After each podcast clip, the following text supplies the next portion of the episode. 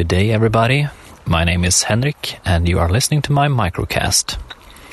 And today I wanted to talk a bit about how I'm currently having quite a bit of a procrastination problem at work.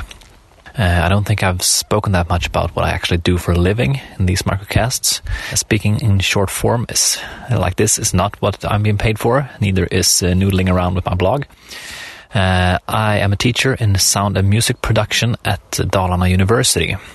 I currently don't have any courses. There's like two weeks left till my big, uh, big teaching stint for this uh, this semester. Right now, I'm trying to prepare everything. I'm trying to get all my administrative tasks done.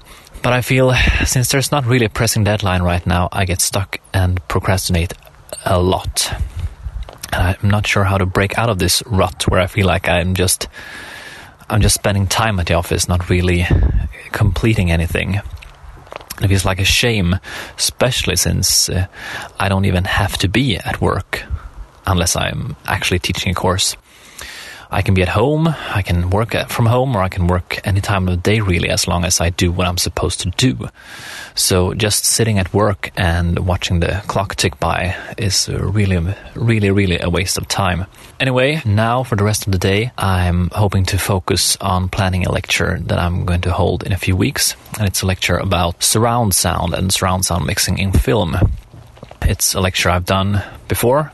Um, but the difference is that usually I do it on campus. And this time it's going to be an online lecture, a pre recorded online lecture. I've done those as well, but not about surround sound. So I'm thinking quite a bit about how to illustrate surround sound for an online audience where the course don't focus on surround sound.